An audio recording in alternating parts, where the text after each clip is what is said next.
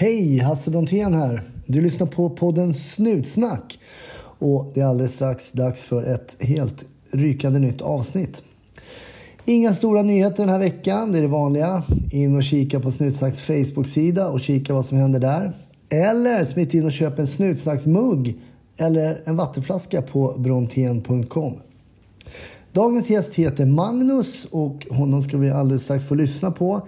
Men innan dess så passar jag på att pusha lite också för nästa veckas avsnitt när podden får besök av en helikopterpilot för första gången. Så missa inte det. Ja, du kanske är uppe i luften när du lyssnar på det här. Eller så har du fast mark under fötterna, vad vet jag. Och oavsett vilket, var försiktiga där ute och ha en riktigt trevlig lyssning. 1310 570 kom. 1310 Odengatan kom. Ja, det är uppfattat. Vi tar det. Slut. Bra. Klart slut. Varmt välkommen till eh, Snutsnack, Magnus. Tack så hemskt mycket. Vi sitter på, i studion här i Stockholm och bredvid oss har vi en Fortnite-spelare också. Exakt. Min son som är sjuk. Han är väldigt glad för det. för Han får hem och spela Fortnite. Till och med vara här och spela Fortnite. Det är helt perfekt. Det går att lösa sånt också. Du jobbar som polis. Mm. Var jobbar du någonstans, Magnus? Idag jobbar jag i Stockholm, i Sollentuna, sedan två år tillbaka. Eh, på lokalpolisområdet där som gruppchef eh, i den yttre verksamheten.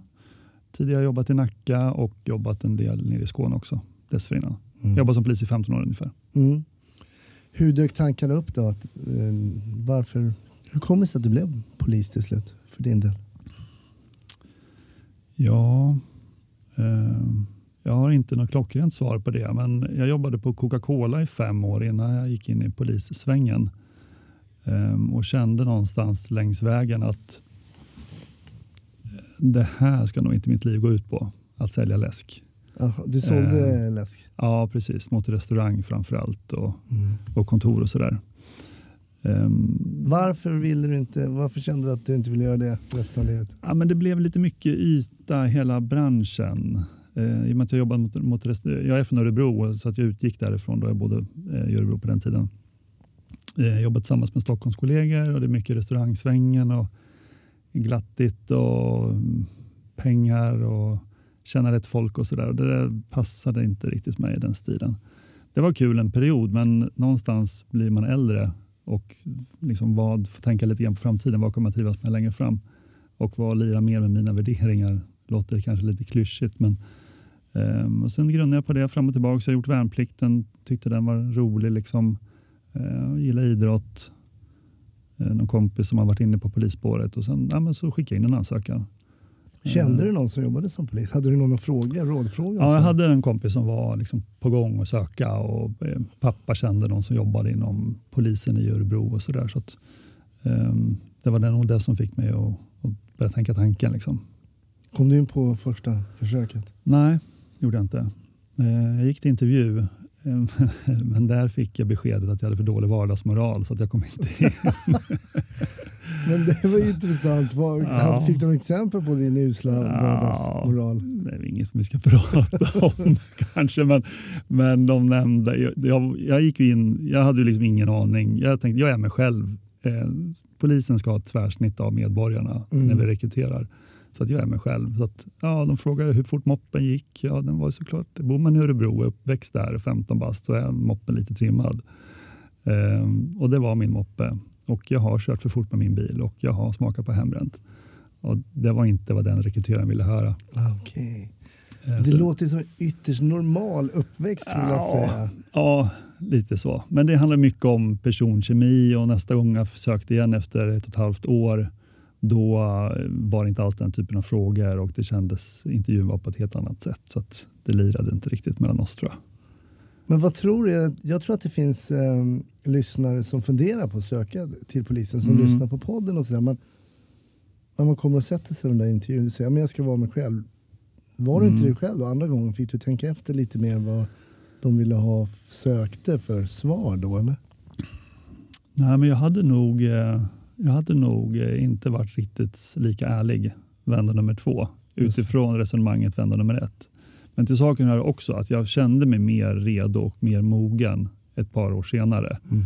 Ehm, det gjorde jag. Så det, jag behövde liksom jobba lite till och landa lite i mig själv. Ehm, men absolut, jag menar, polisen ska ju vara en del av samhället. Och jag ska, vi ska nog inte ta, ta min referens som en sanning för hur rekrytering ska gå till utan vara dig själv och stå upp för det du har gjort. Och Mm. Har man gjort något litet skit när man är 15-16 så, så ska inte det sätta liksom käppar i hjulet för en poliskarriär. Nej. Eh, snarare tvärtom, att det kan vara en erfarenhet att ta med sig. Mm. Sen finns det ju såklart gränser vad, vilken typ av brottslighet man kan ha hållit på med. Men en trimmad moppe och, och smakat på hembränt om man är från Norrland, det får man väl kanske anse som, som normalt. Mm. Nej, men jag tänker, tillba- tänker tillbaka också på min egen på det man busade med kan man väl säga att jag trimmade moppen med hjälp av min pappa som då var trafikpolis. Ja, dessutom. Eh, vilken, vilket kanske är konstigt. Jag vill inte ha moppe i, i Stockholm där vi bodde utan vi hade det på landet. Och då sa han om du har den på landet så hjälper jag att trimma den. Bra, vi har en deal. Ja, det var en deal. Det var en bra deal. Och sen så snattade jag väl någon gång, kommer jag ihåg. Det var väl inget jag åkte fast för. Jag åkte fast en gång faktiskt när jag gick i femte klass och där tog min liksom, brottsbana slut. Mm. För att eh, vi hade snott några chokladkakor jag och min kompis Stefan och då sa den här butiksägaren som tog fast oss att om ni ger tillbaks chokladkakorna så hör jag inte av er mig till era föräldrar och då förstod jag att okej. Så det, jag tror det känns som att min, och min uppväxt var så rätt normal också. Man busade lite grann. Mm. Borde inte påverka tycker jag. Nej. Nej, nej, men så är det. Man, man, man måste få, få leva livet. Ja men lite så. Ja. Men såklart, det finns ju en, en limit eh, vad gäller, vad gäller allt. Absolut. Men det, den, den, jag får den frågan ganska ofta när jag jobbar ute i, i orten, om man nu ska kalla det så. Mm. Eh, från, från killar och tjejer som är lite kanske i marginalen, som hänger i trappuppgångar och, och har lite tuffare förhållanden runt sig. Mm. eh, just med deras kriminalitet. Eh, så att den, eh, och jag är verkligen tydlig med att stäng inga dörrar för att du har något, något, något snatteri eller till och med något ringa narkotikabrott på dig när du är 15 år. Utan blicka framåt och, och stå upp för det du har gjort och skärp till dig och gå klart skolan så finns det alla möjligheter. Mm. Så det är inte helt kört alltså, tror du, för att man har gjort en sån liten grej? Nej, det ska jag inte säga att det är. Nej. Eh, Nu är inte jag, ansvarar inte jag för rekryteringen, men, men i min värld så är det, är det inte det. Sen Mm. som du säger, att det finns gränser. Eh, och de, de är ju inte allt för vida, utan men håller man det inom det, det, de mindre typerna av brott så ska det nog gå bra. Mm. Det handlar lite om eh, tur och otur ibland. Eh, eh, pratade med Anders som var gäst här för några avsnitt sen och eh, han berättade om, eh, om sonen som hade blivit, åkt in för ringa narkotikabrott. Visade sig att han inte var, hade någon narkotika i systemet. Men Anders nämnde själv i en, i en bisats där att om jag hade blivit testad någon gång i min ungdom så kanske jag inte hade kissat grönt. Och, men det var ju aldrig någonting. Det fanns ju ingen, eh, det fanns ju ingen ringa narkotikabrott på den tiden. Så att, och jag känner många som har jobbat som poliser som någon gång i sin ungdom har provat någonting och de är jätteduktiga poliser. Som det borde inte vara kört om man har någon sån här ungdoms, ungdomsbus i, i bakfickan. Okej, vi lämnar rekryteringen och vad, man, eh, vad det är för bus. Vi får väl egentligen prata med rekryteringen. Exakt. Vi får inte bjuda hit honom. Va? Bjuda hit Ja. honom då. Men du sa att du kände dig lite mer mogen andra gången. Mm. Var det helt enkelt för att det hade passerat några levnadsår eller varför kände du dig mer mogen? Ja, jag tror det.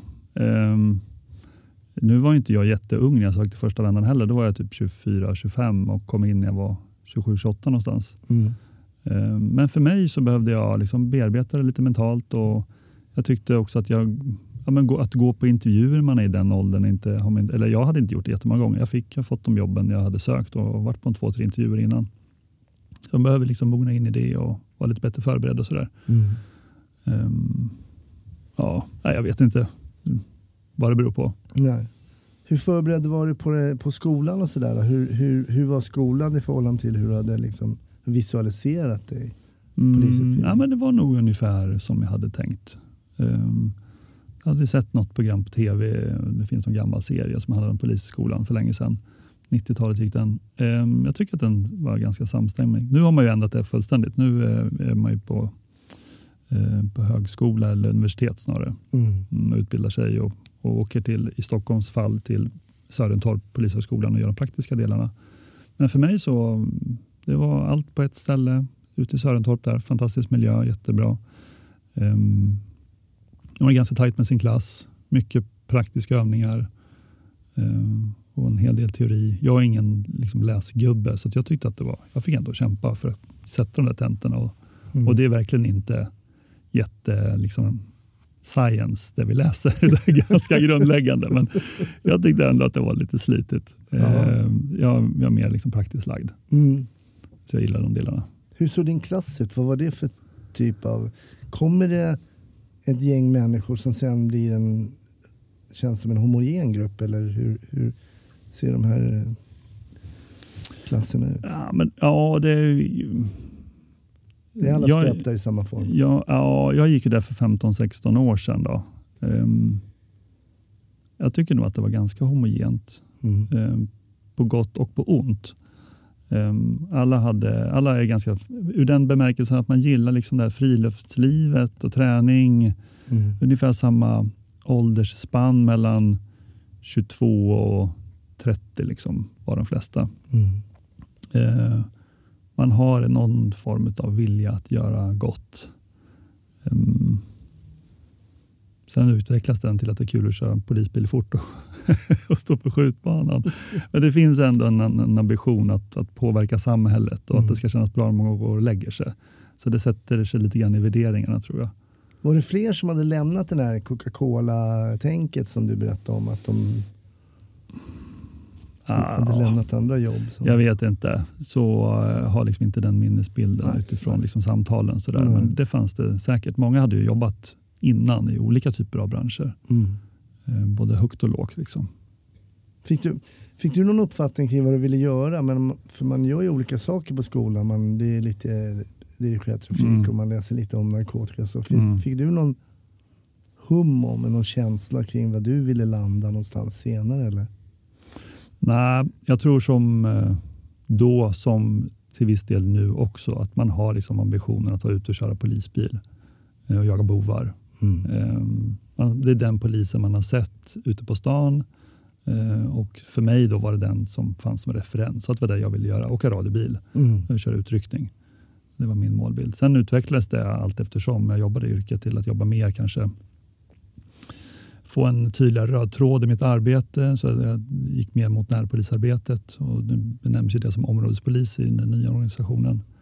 Eh, Att kunna påverka mer i det långa loppet och Mm.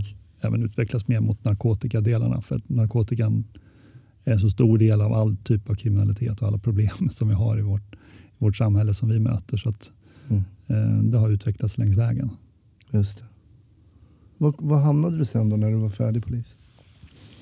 Ja, jag nämnde att jag hade varit runt eller jobbat nu eh, baklänges i Stockholm i, på, på två olika ställen. Så var jag i Lund. Eh, Men jag började min karriär i Örebro. Mm. Jag gjorde min aspirant där och jobbade där ett år ungefär. Ehm, på utryckningen och sen har jag varit i, i Skåne, bodde i Malmö och jobbade i Lund i två år ungefär. Och sen har jag varit i Stockholm sedan 2006. Då. Okej. Och då nämnde du Nacka. Mm, precis. Jag hade också jobbat lite. Jag var på span och narkotikaroten i Nacka men det, Mm. jag lämnade ju den redan ja, 2000. Då. Just det. Mm. Men Nacka är ju ett distrikt som, det, som är liksom både storstad och land och allting på en Mm. gång nästan. Mm. Man får en väldig bredd på jobben där eller? Ja, det får man. Ehm, jag vet, många säger ju liksom att det är bra att jobba på landsbygden för man blir bredare. Man blir inne i, typ in i city. Nu har inte jag jobbat i city på det sättet men jag har jobbat i, i Örebro, eh, krogproblematiken där. Och jag skulle säga att de här mellanstora svenska städerna, där är det riktigt stökigt riktigt mycket att göra för poliserna som jobbar i, i den typen av städer. För det finns inte så mycket resurser. Ehm, Men jag tycker att man blir ganska bred vart man än jobbar. Det är li- jag- tycker att det är lite klyscha det där med att man blir så mycket bredare på landsbygden. Okej. Ehm, Däremot så kräver det att man tar ett större initiativ själv för det rasar inte in jobb från radion på det sättet som det gör i kanske i mer city eller andra regioner. Ehm, Så att man, man får tänka lite mer själv och vara lite mer uppdaterad på var busarna bor, den lokala problembilden, hur ska jag kunna liksom påverka det? Vad kan jag göra på mitt arbetspass idag? Just det.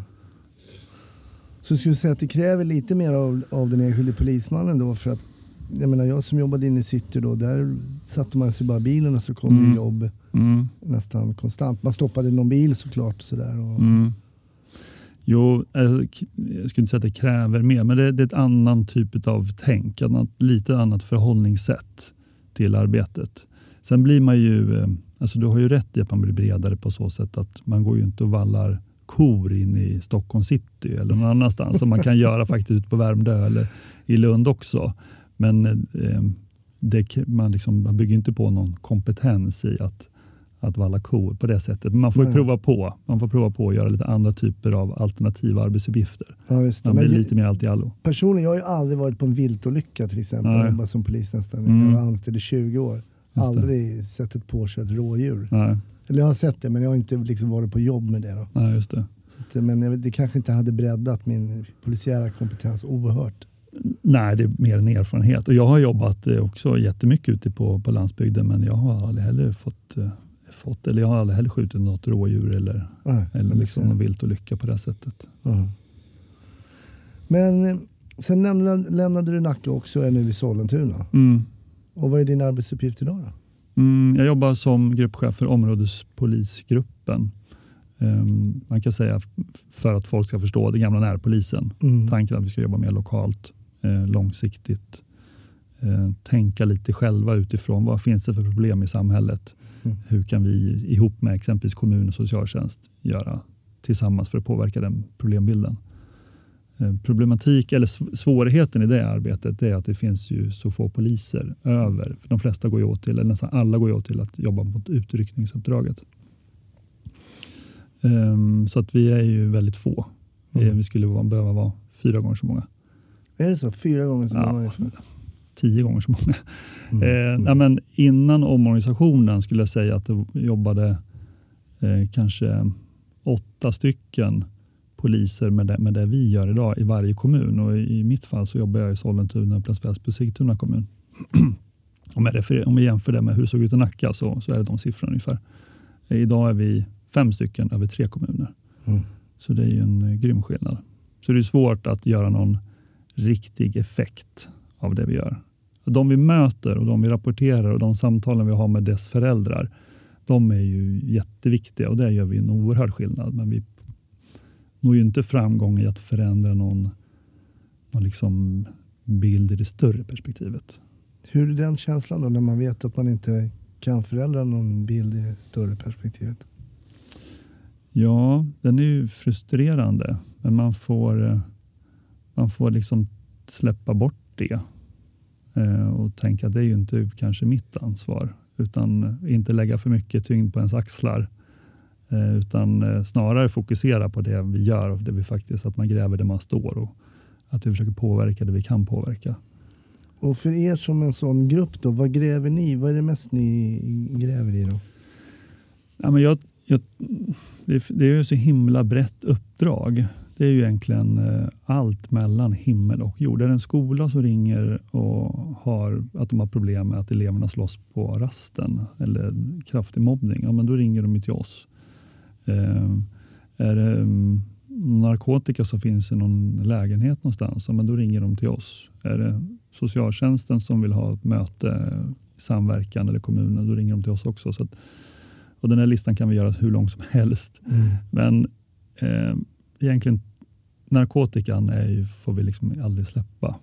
Nu är det ju liksom eh, legaliseringsdebatter och Kanada har legaliserat eget bruk av- cannabis.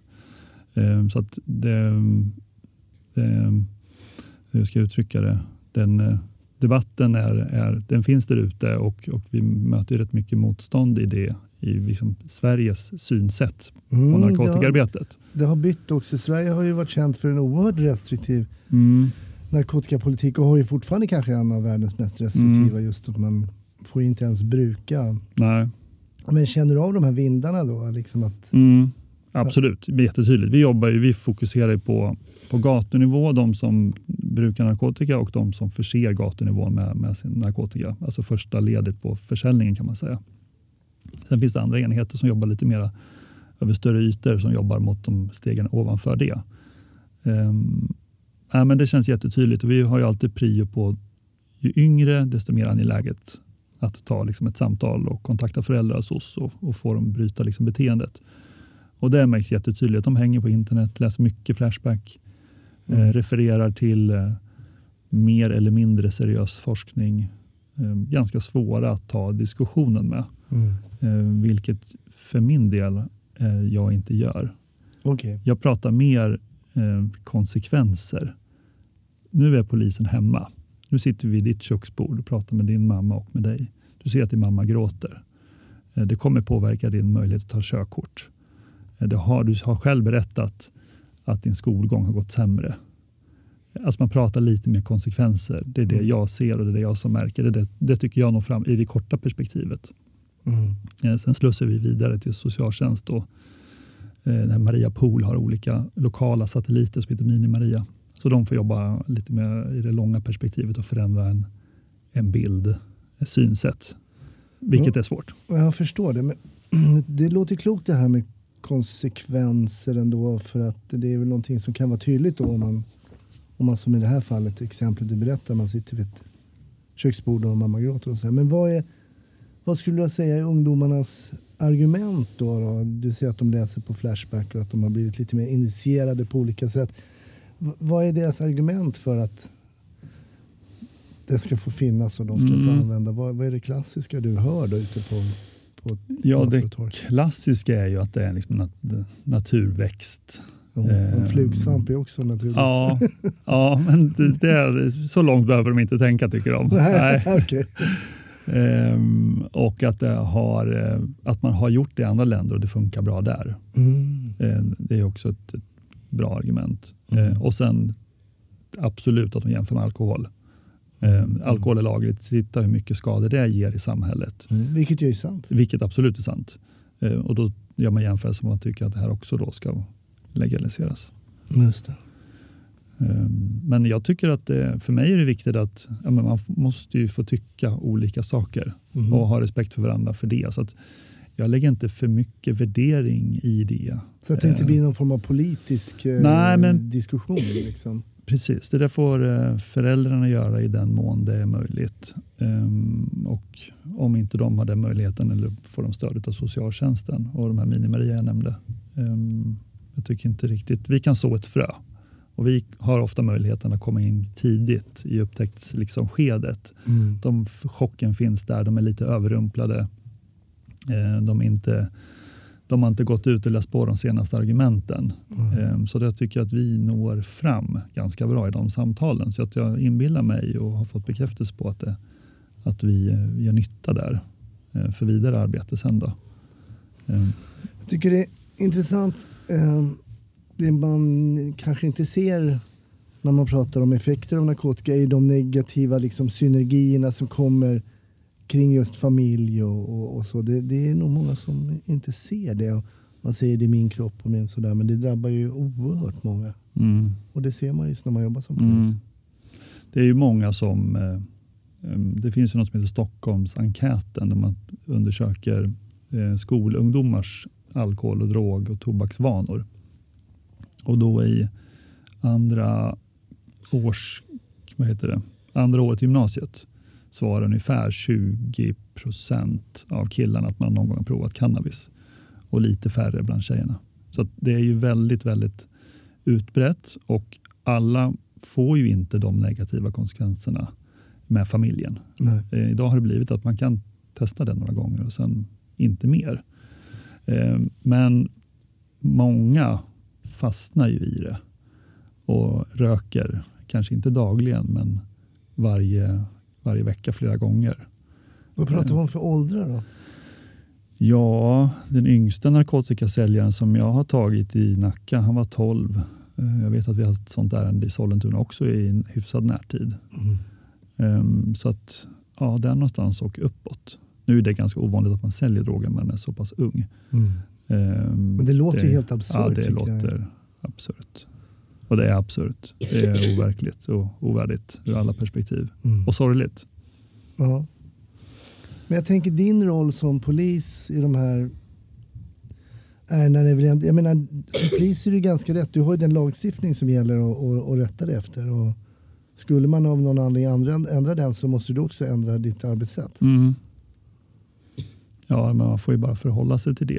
Alltså man, eh, vi har ju ett arbetssätt ehm, och det finns ett syfte med det. Och, eller en lagstiftning och det finns ett syfte med den. Och då, då tunar man ju in sig på det. Skulle Mm. man eh, förändra någon del i det så får man ju anpassa sig, eller får jag anpassa mig efter det. Eh, och är det någonting som jag inte kan stå för, då får man ju fundera på om man kanske ska göra något annat inom polisen i så fall. Mm. Ehm, Jag, jag fattar ju exempelvis att det är jätteviktigt att man har eh, parkeringsvakter. För annars skulle det bli totalt kaos ehm, eh, i parkeringsdelarna ute Mm. på stan, ute på byn. Men, men jag, skulle inte, jag tycker inte det är roligt och jag skulle tycka lite synd om. Jag tycker synd om dem som jag skulle lappa. Liksom.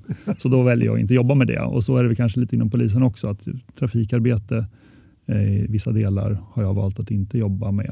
eh, Mm. För då skulle jag söka mig till en trafikenhet. Det valet gjorde jag med. Mm. Det är väldigt kul att driva med trafikpoliser för övrigt. Men det kan vi. Ja, det finns inte så många kvar, stackarna. Nej, det finns faktiskt De inte så många kvar. utdöende. Precis, de kanske är fridlysta till och med. Ja, det borde vara det. Ja. Verkligen. Eh, titta på E4, man åker från Norrtull upp till Arlanda. Det är ju en riktig jävla racerbana. Alltså. Mm. Det skulle behöva finnas betydligt fler trafikpoliser på den och många andra sträckor. Mm. Nej, men man vet ju såklart att det, vi behöver trafikpoliser, precis som du nämner som parkeringsvakter så, så är, gör de ju verkligen eh, en stor nytta. Men jag kände också som polis att det var kanske inte det jag ville jobba med. Och, men många är väldigt intresserade av trafik och det är jättebra att det är de absolut. tjejerna och killarna som, som jobbar där. Så, nu ska vi sluta snacka strunt om trafikpoliser. Ja, jobbigt att komma tillbaka här ja, precis. imorgon. Jag vet Magnus att du har också utöver det du gör så har du en, eh, en utbildning som någon typ av förhandlare. Mm. Det finns en, du jobbar liksom, du har din tjänst men du har det här, den här förhandlarutbildningen. Hur fungerar det? Du har, gått, har du sökt en sån utbildning då? Eller? Mm. Varje polisregion i Sverige har, ska ha den förmågan eller den kapaciteten att, att ha en insatsdel och i den ingår förhandlar, förhandlare helt enkelt. Ja, okej. Ehm, Så i Stockholm då och övriga landet så är det samordnat ihop med gamla piketen, heter insatsstyrkan numera. Mm. Ehm, Så att de, de söker folk genom eller om en gång per år ungefär.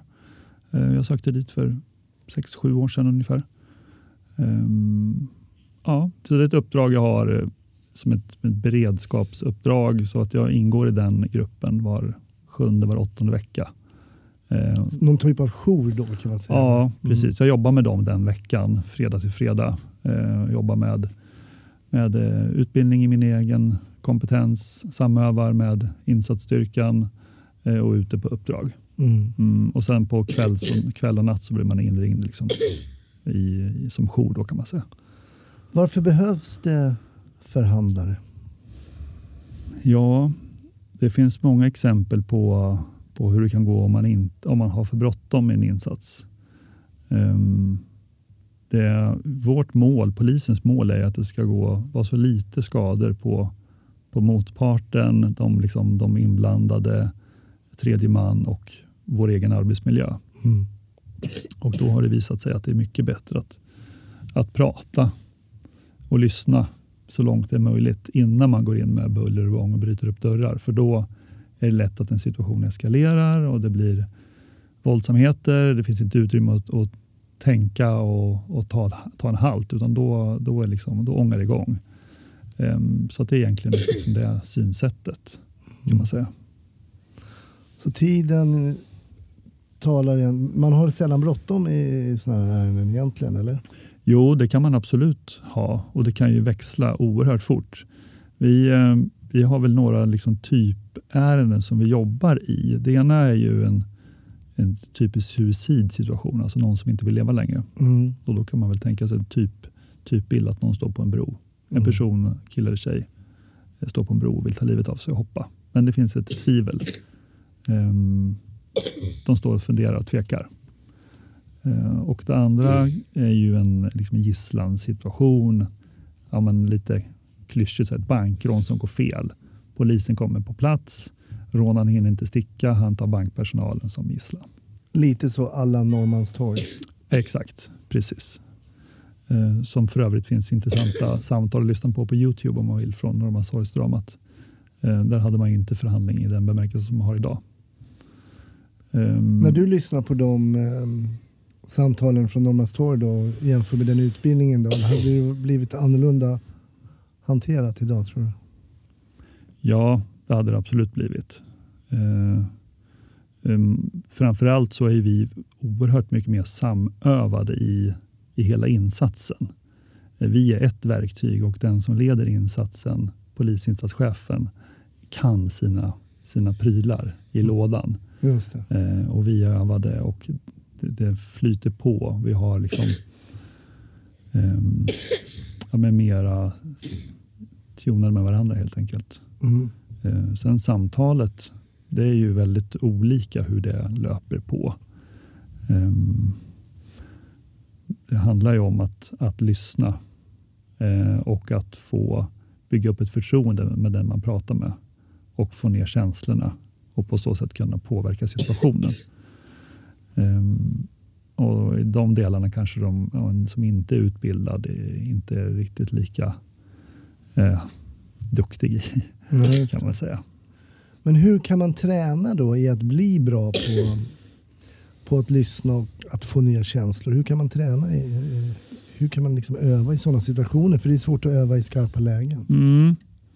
Ja, men dels i skarpa lägen tror jag att man får, eh, att man utvärderar varandra noggrant efteråt. Att man har en genomgång efter ärendet. Så här, vad var framgångsfaktorerna? Vad kunde vi gjort bättre? Eh, vilka moment har vi gått igenom? Fanns det några eh, delar i samtalet som vi kunde ha gjort annorlunda? Eh, gav personen signaler? Fanns det något ord som vi kunde ha snappat upp tydligare än vad vi gjorde? Mm. Och vi jobbar ju alltid två och två. En som sköter själva samtalet och en som finns i bakgrunden och ger stöd till, till den som genomför samtalet. Mhm. Så det är alltid två som lyssnar och så man har två Precis. personers hjärnor som samverkar där. då. Exakt. Exakt. Och den som är, vi benämner den som ettan och tvåan. Så den som är ettan är den som har samtalet och tvåan är den som stöttar. Ehm, och är också tvåan är lite mer framåtblickande. Okej. Så, och har kontakt ut. I bästa fall så, så har vi en ytterligare en förhandlare som är ihopkopplad med polisinsatschefen. Okej. för att lägga strategierna. Så det är ganska resurskrävande. Blir det stora insatser i exempelvis i Stockholm så är det ju mycket stora resurser och mycket poliser som kommer till platsen. Men jag skulle säga att vi är väldigt, som helhet sett, väldigt duktiga och professionella i de lägena. Mm. Nej, men jag tänker bara på en sån enkel sak, vardagssak, att man till exempel pratar i telefon med Ja men det kan vara med morsan eller vem som helst. Så har man någon bredvid sig som antecknar som skriver. Mm. Så Mm. fråga morsan så att Ja. hon inte har glömt att köpa. Exakt. Och ibland när man pratar så, så behövs det kanske någon annan som missar det man Ja. inte hör. Absolut. Eh, och det, å andra sidan märks det ju också att om du och jag har ett samtal och sen börjar du trycka på dina tangenter eller gör någonting simultant som du pratar med mig. Mm. Då kommer jag ju känna av det på en gång. Att du har lite för dålig timing i din, din respons till mig eller ditt, Mm. din, din bekräftelse på det jag säger kommer inte riktigt där det ska göra. Så då märker jag det och då direkt så tappar jag ju förtroendet och tilliten till dig i samtalet. Så det är inte Mm. bra att någon sitter och skriver samtidigt. Eller så här, eller? Ja, Det gäller att man är fokuserad på den man pratar med. Mm. Ehm, och att man har övat ursäkta, eh, att man har övat som ett och tvåa i de rollerna. Att man tränar Mm. och att ettan är fokus på samtalet och får man inputs eh, från sidan så gäller det att man är eh, fortfarande, man har lite split vision Mm. och att man är stresstålig och att man, att man kan ta en sak i taget. Eller kanske inte en sak i taget utan snarare göra saker parallellt Mm. utan att det märks. Hur lång var den här utbildningen? Den är ganska kort, eh, två, veck, två veckors grundutbildning. veckor, ja. Och sen är det ju kontinuerlig träning eh, i uppdraget. Antingen skarpa övningar som vi, eller skarpa case man går igenom efteråt. Mm. Eller att vi har övningar helt enkelt. Egna övningar och tillsammans med insatsstyrkan. Tycker du att du har haft, fått användning av det som du lärde dig på den här kursen? Har du haft användning av det även som områdespolis och ute och prata med folk? Mm. det tycker jag den är väldigt utvecklande för mig som människa, som person och som pappa och privatperson och i mitt yrke. Eh, det är alltid bra att, att visa att man är intresserad av den man pratar med. Eh, det blir, man får bättre samtal, det är lättare att komma närmare människor. Mm. Um, så att uh, det är svårt. Det är ju det är ungefär som man, man växer när man är liten. Man ser ingen skillnad i spegeln. Mm. Det går långsamt förändringen. Mm. Um, men jag är övertygad om att jag har blivit liksom bättre på att lyssna och bättre på att möta människor. Bättre att visa förståelse för deras situationer och bättre på att inte ja, men det sak och person-tänket. Att inte döma människor för det de har gjort utan se dem för den människan de är. Um, så att, uh, ja, lite så.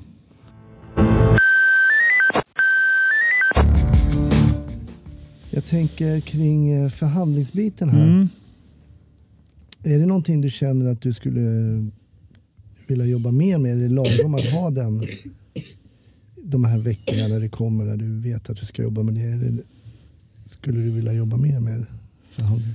Nej, men, eh, organisationen ser ut som så att det är tre stycken som jobbar med det på heltid. Eh, och sen har vi ett 20-tal som är beredskapsförhandlare som snurrar runt. Vi jobbar två stycken som går in i beredskapen. Eh, då en vecka i taget. Och för mig är det ganska lagom. Mm. Eh, jag tycker att variationen är liksom perfekt. Jag får ett litet avbrott i min, i min polisvardag. Eh, jag ser ifrån då Stockholms perspektiv ett, ett större bild. Jag jobbar i hela, hela Stockholmsregionen. Jag jobbar med ärenden som jag inte jobbar i, i min vardag med. Mm. Eh, och det breddar mig. Um, det är ju ett specialistuppdrag och jag tycker att det kanske skulle bli lite för smalt för mig om man skulle göra det på heltid. Mm. Um, så att jag tycker att för mig passar det rätt bra att ha det som ett sidouppdrag. Finns det någonting som är, um, är hemligt i den här utbildningen? Ja, ja, hela utbildningen är väl hemlig från någon form av allmänt perspektiv. Det Mm. går inte att få ut någon utbildningsplan i det. Eh, kanske lite mer allmänt sådär hållen.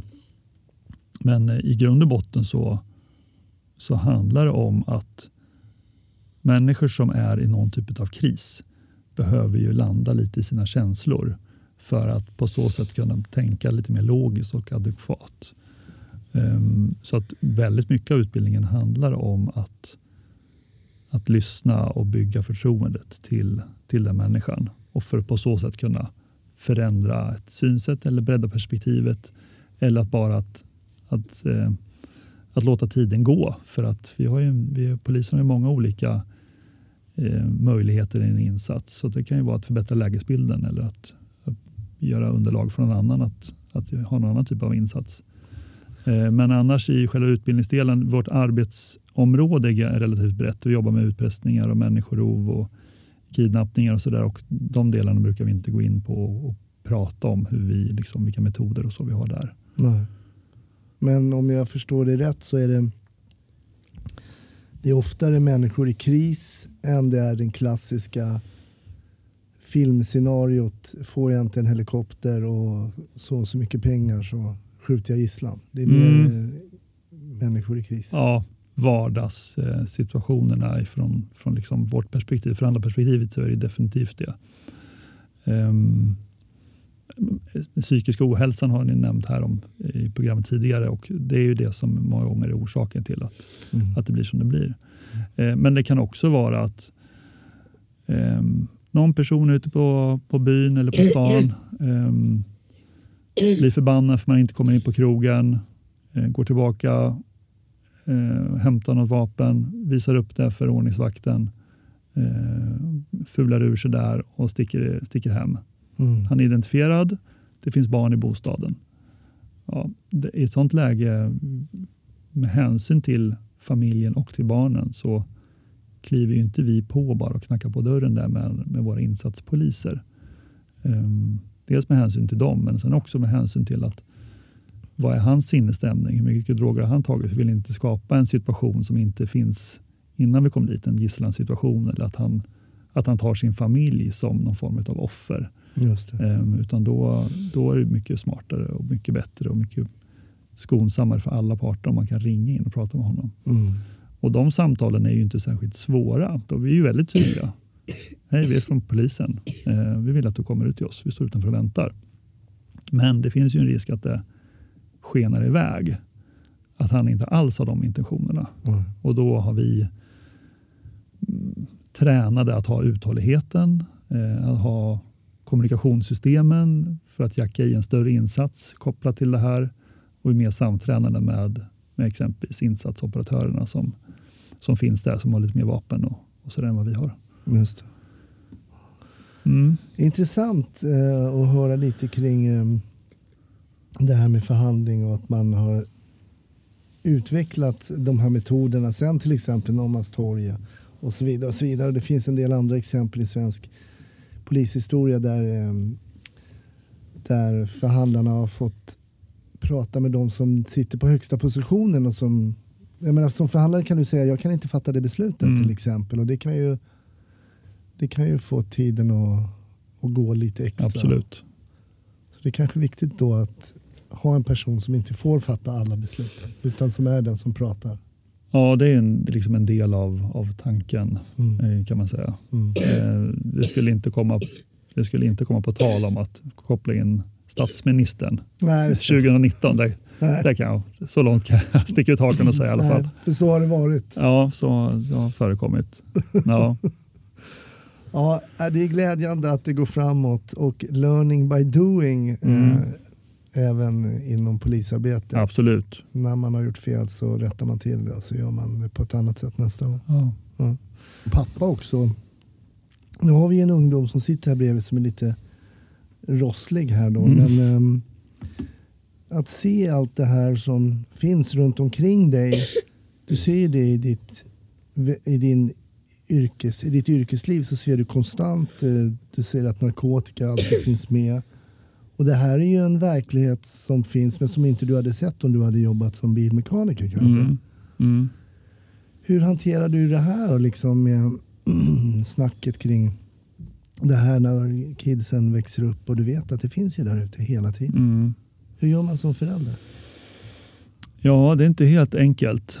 Ehm, Det är väl det som gör att en av orsakerna till att man tycker det yrket är intressant. Att Mm. man får se en, en del, ja, men lite som Matrix, så där, att man får se, vi är i samhället på samma torg, eh, men vi ser det de andra inte ser eh, med våra polisögon och, och känner igen individer, känner igen beteenden eh, och ser en ganska mörk sida av samhället. Men den är också väldigt intressant och, och det är det som man har en chans att påverka och hjälpa till och göra någonting åt.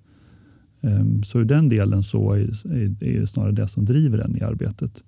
Eh, Sen i rollen som, som, liksom, som pappa eh, så är det lite bekymmersamt. Mm. Ehm, Än så länge är ju, är ju mina barn relativt små så de hänger inte på byn på det sättet. Nej, precis.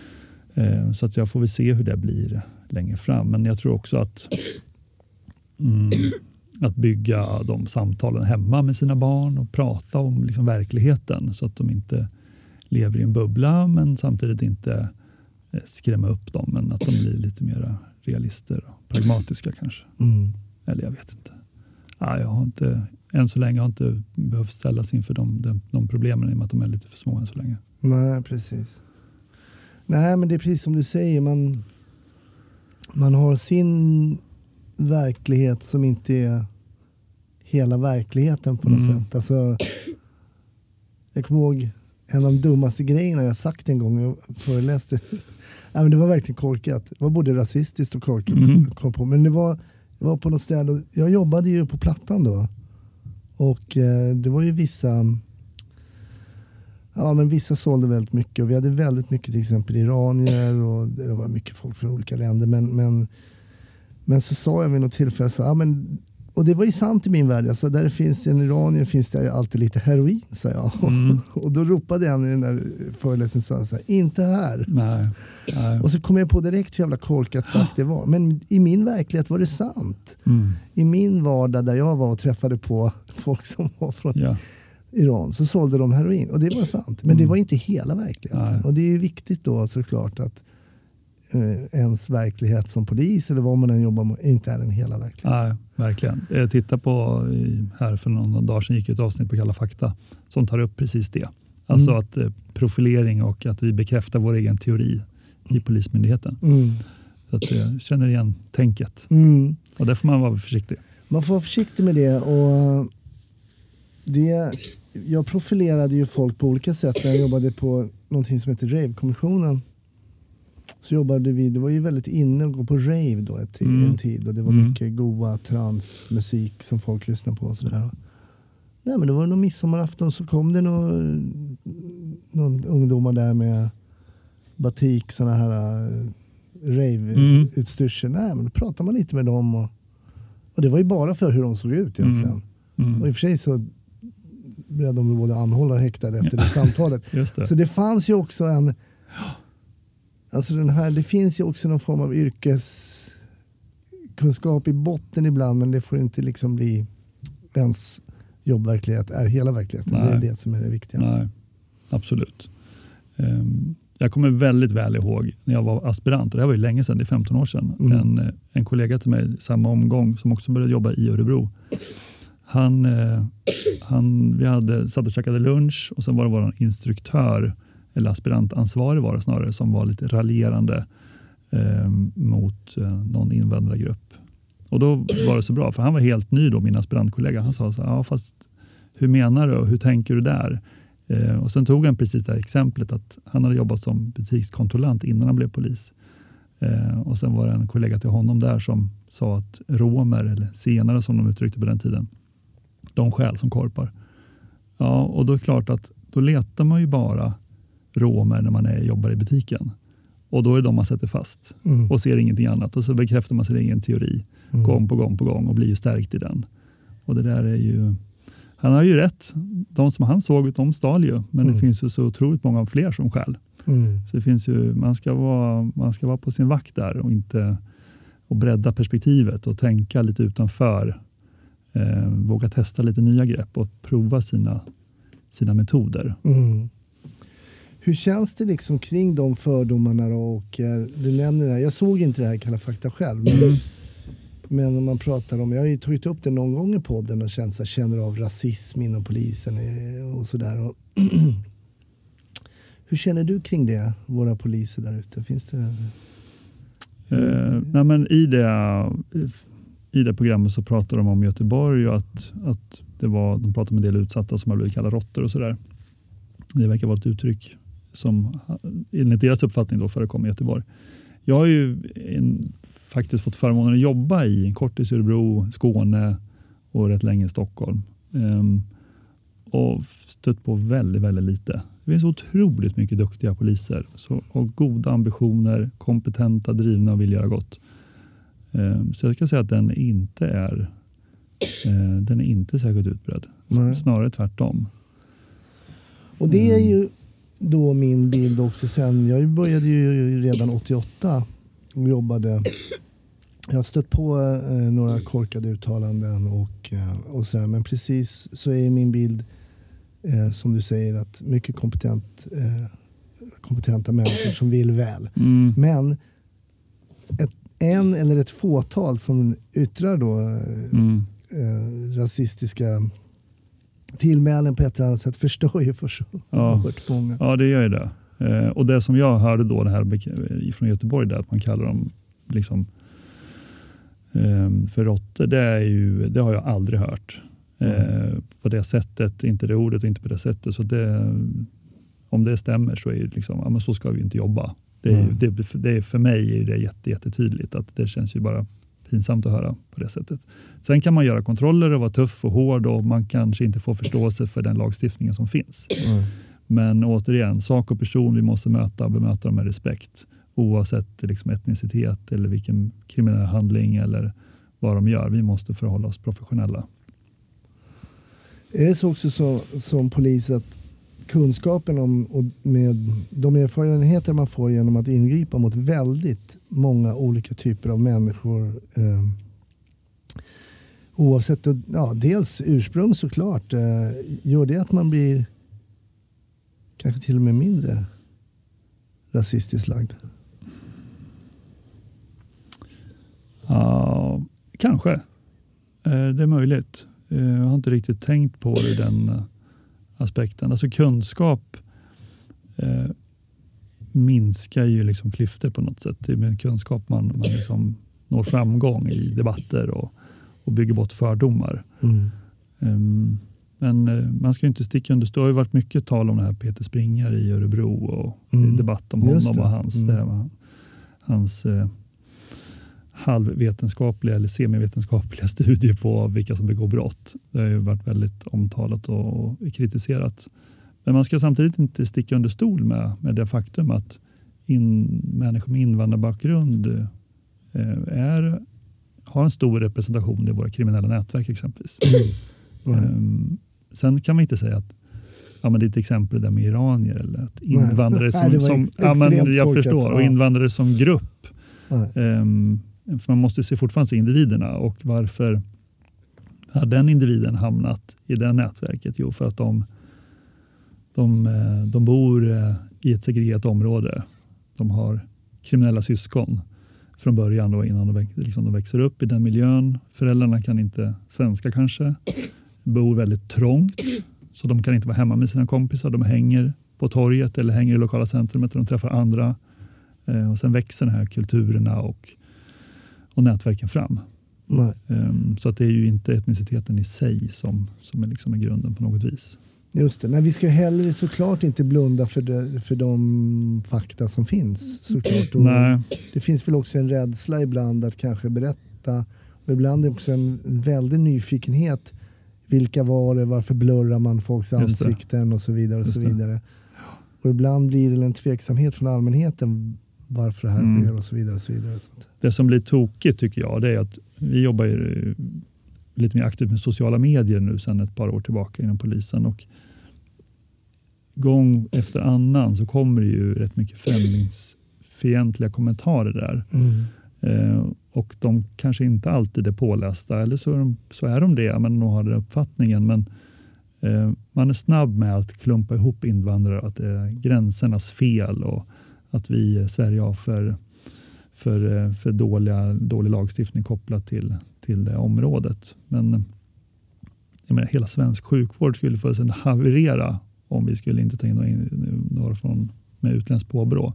Eh, Det finns ju jättemycket, det finns otroligt många sektorer i vårt samhälle som, som är fullständigt beroende av att vi har kompetent eh, arbetskraftsinvandring utifrån. mm. Ehm, och, och det är snarare problemet med segregationen och trångboddheten och ekonomisk situation som har gjort det här. Mm. Nu låter jag lite som en politiker men, men Ja men precis. så och det är ju heller inte och det är givetvis inte polisens uppgift att, att ehm, lösa en sån sak som segregation och det är ju någonting mycket, mycket större. Ja, Ett komplext problem.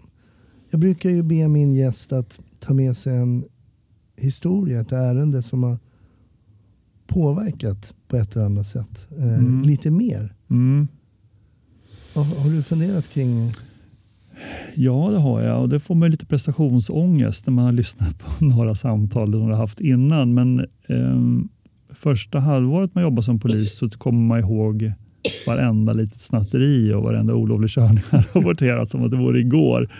Sen på något sätt, eh, allt eftersom så blir man mer luttrad och eh, eh, ser det mer som ett jobb så det går inte in på samma sätt. Men Blir man eh, helt enkelt avtrubbad alltså?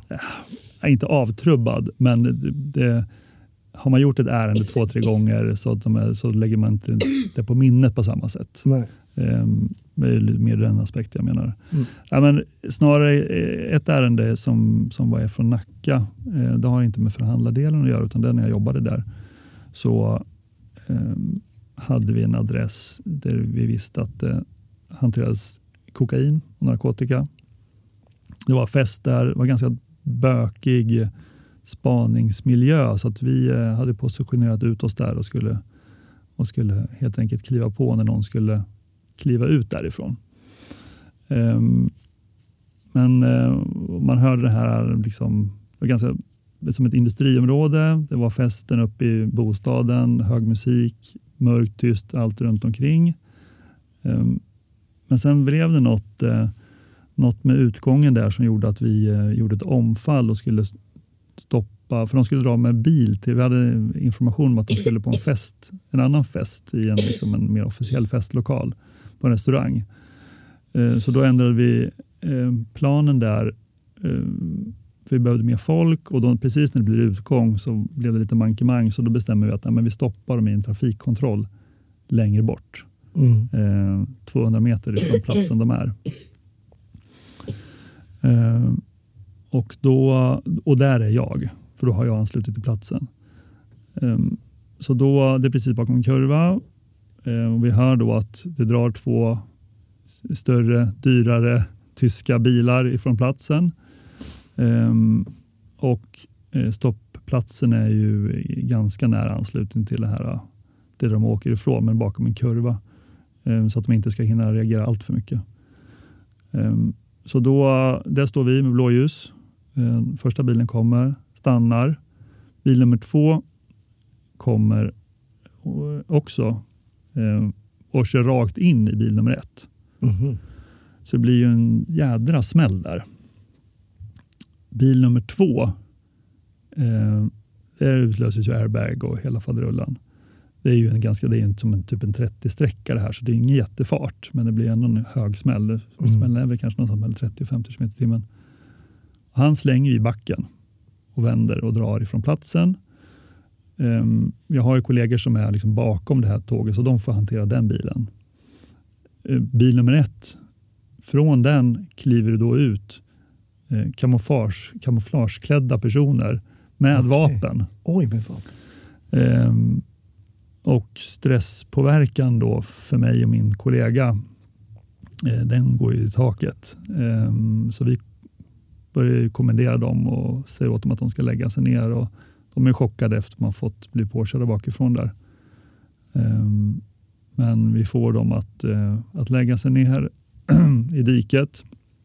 Vi måste ta det säkra för det osäkra. känns ju att det är, någon, det är ju liksom inte ett föregående bankrån vi har stoppat. Utan det är någonting som är lite fishy med det här.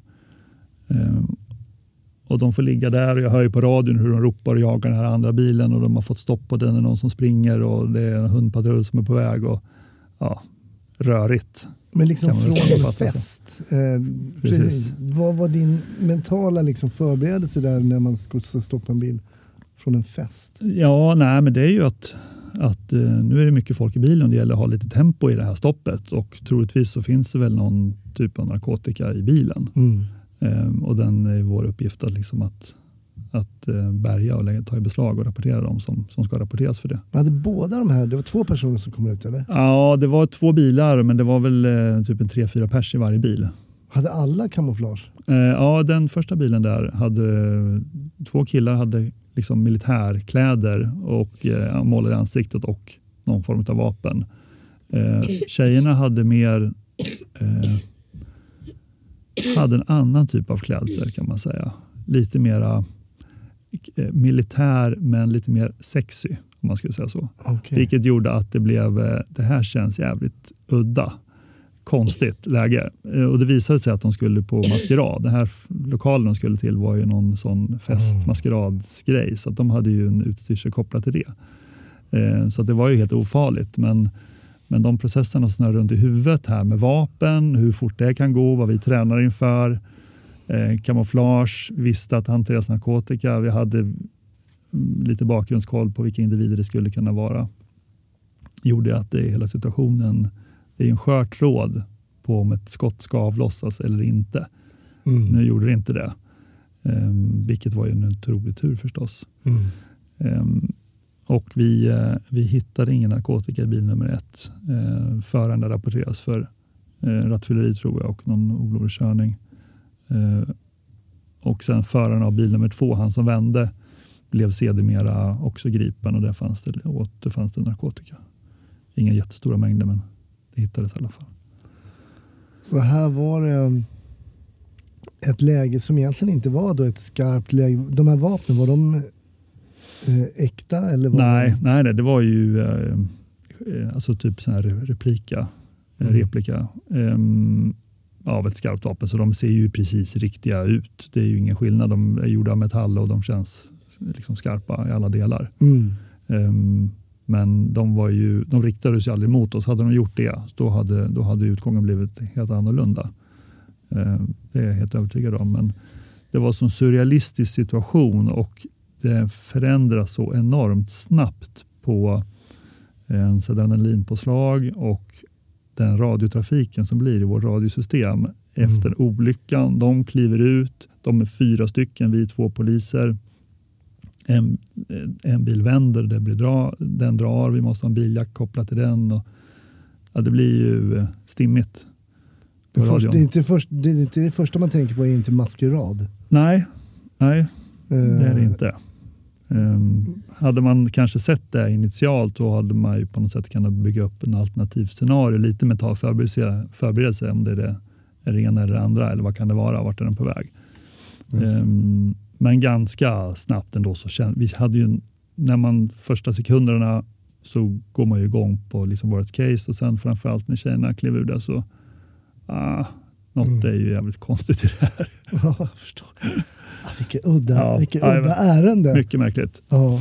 mycket märkligt. Och på den tiden hade inte jag jobbat så mycket med eh, liksom, spaning och narkotika eh, i de delarna heller. Så att hela, hela grejen där var ju lite nytt för mig. Så det gjorde att det blev lite extra avtryck i händelsen.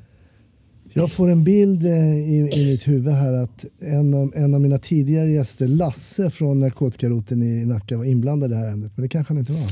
Han skulle mycket väl kunna ha varit det. Men det var faktiskt inte. Han var, inte han var nog ledig annars hade han nog varit där han också. Det lät som ett klassiskt ja. eh, Lasse-ärende. Och eh, för er som inte har hört avsnittet med Lasse så rekommenderar jag det. Där han berättar om varför han ville börja jobba med just narkotikabrottslighet. Mm. Och det var ett ärende som hände i Nacka ah, faktiskt. Ah, okay. så att, eh, Ja, spännande um, ärende också den här tunna linjen som du pratar om mellan då att använda det, det starkaste våldet som mm. man har i arsenalen, eh, sitt tjänstevapen. Att det kan vara bli ödesdigert. Just det, verkligen. Ja, den är otroligt tunn stundtals. Mm. Um, och många gånger så så har jag och mina kollegor haft fog för att, att skjuta oftare än vad vi har gjort eh, utifrån liksom situationen, den lägesbilden man har där. Eh, men det, det, finns ju så mycket spärrar i en som har gjort att man inte har gjort det. Och då med facit hand så var det tur, men utifrån där man står där och då så, så hade man nog kanske funderat om man egentligen borde ha skjutit. Mm. Faktiskt. Ehm, men i det här fallet gjorde vi inte det. Mm. Jag tänker att, tänker, lekte tanken att det har varit ett skarpt vapen. Mm. Gör de beslutsprocessen och, och drar av en salva mot oss, då är vi eh, fullständigt tvåa. Då hinner inte vi reagera. Um, så att kommer de med vapen och man ser att de går emot oss, då är ju kanske ett skott i benet att, initialt att föredra eller att på något sätt oskadliggöra dem helt och hållet. Mm. Um, men i det här fallet så fanns det ju det här lilla tvivlet ganska snabbt. Eh, det är någonting och då får man ju, eller lyssnade jag och min kollega på det tvivlet. Eh, vilket var väldigt bra. Mm. Ja, väldigt intressant ärende och jag förstår varför eh, du berättade det. För att man kan ligga där och innan man släcker lampan och tänka att mm, den här dagen hade kunnat sluta helt annorlunda. Ja, ja. Och det blir så stora, framförallt för den som motparten såklart. Eh, men det blir också enormt stora konsekvenser för oss poliser när vi, när vi avlossar våra skott eller avlossar våra vapen och, och skjuter verkanseld. Eh, att man per automatik blir nästan misstänkt för brott. Mm. Eh, och att det ska utredas och ganska jobbiga processer. Jag tycker att processen i sig är ju, det är väl kanske bra. Jag säger inte att det är dåligt på något vis, men det blir jobbigt. Mm. Um, för den drabbade. Just det. Vi brukar runda av eh, varje avsnitt med ett tips om lite förströelse i kanske fiktionens tecken. Mm. Vet inte, kollar du på några polisserier? Eller? Jag kollar ganska lite på tv faktiskt, mm. eh, eller film. Um, eh, har man, eh, nu har vi tyvärr ingen hund längre, men vi hade det för ganska nyligen och då är det hundpromenaden och det är läggning av barn. Um, och jag har massa andra saker på gång. Eh, Så det blir inte så mycket film. Men det jag har tittat på eh, och det jag uppskattar det är lite mer humoristiska Mm. perspektivet på polis. Jag gillar liksom ironin i det. Jag tittar på julkalendern med mina barn och det finns en sekvens där man blandar ihop ett bageri och munkar och polisstationen. Och jag skrattar ju läppen av mig när jag, när jag tittar på sånt där. Jag tycker det är så kul. Ehm, så att jag, min rekommendation blir nog eh, Aina 112, en serie som gick på kanaler TV6 Just för ett par år sedan. Mm. Finns på nätet att titta på. Där, Eh, där jag faktiskt är med i en liten, Är du det? en liten, ah, liten scen. ja, ja, men, bra. Bra alltså, jag gillar det. Ja. Eh, ja, ja, det är sjukt roligt. Ja, men Aina 112. Ja, Mm. men jättekul. Det behövs ju humor och vi behöver skratta. Eh, så är det onekligen. Mm. Och det ska vi inte glömma med allt allvar här som vi har pratat om förhandlingar och sånt. Så är det väl ganska mycket skratt på jobbet också som polis. Absolut. Ja. Absolut. Det är enda, det är alltså verkligen. Det är, det är eh, jädrigt högt i tak om man garvar och om man skulle sända ut allting som sägs innanför våra väggar så skulle det nog kanske inte bli jättebra i alla delar. Men det är en del av att avlasta oss och, Mm. och bygga kamratskapen. Liksom. en typ av internhumor som bara funkar kanske inom de väggarna. Liksom. Ja, jo, lite så blir det. Ja. Toppen. Eh, tack Magnus för att du kom förbi och gästade. Och ehm, även din son. Tack Mm. till Leon som har suttit med här. Jag kan säga att han har inte hört mycket för att eh, han har suttit och spelat något spel här. Så, Just det. ja. Ja, han är nöjd. Ja. Stort tack Magnus. Tack så mycket själv.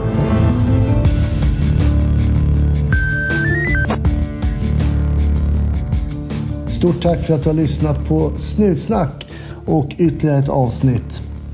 Smitt in på vår sida på Facebook, gilla den, skriv vad du tycker, kom med kritik, bu eller bär, ris eller ros. Ha en fantastisk vecka så hoppas jag att vi hörs i nästa när vi får besök av en helikopterpilot. Så får vi höra hur det är att jobba som polis på det sättet. Ha det fint, hej!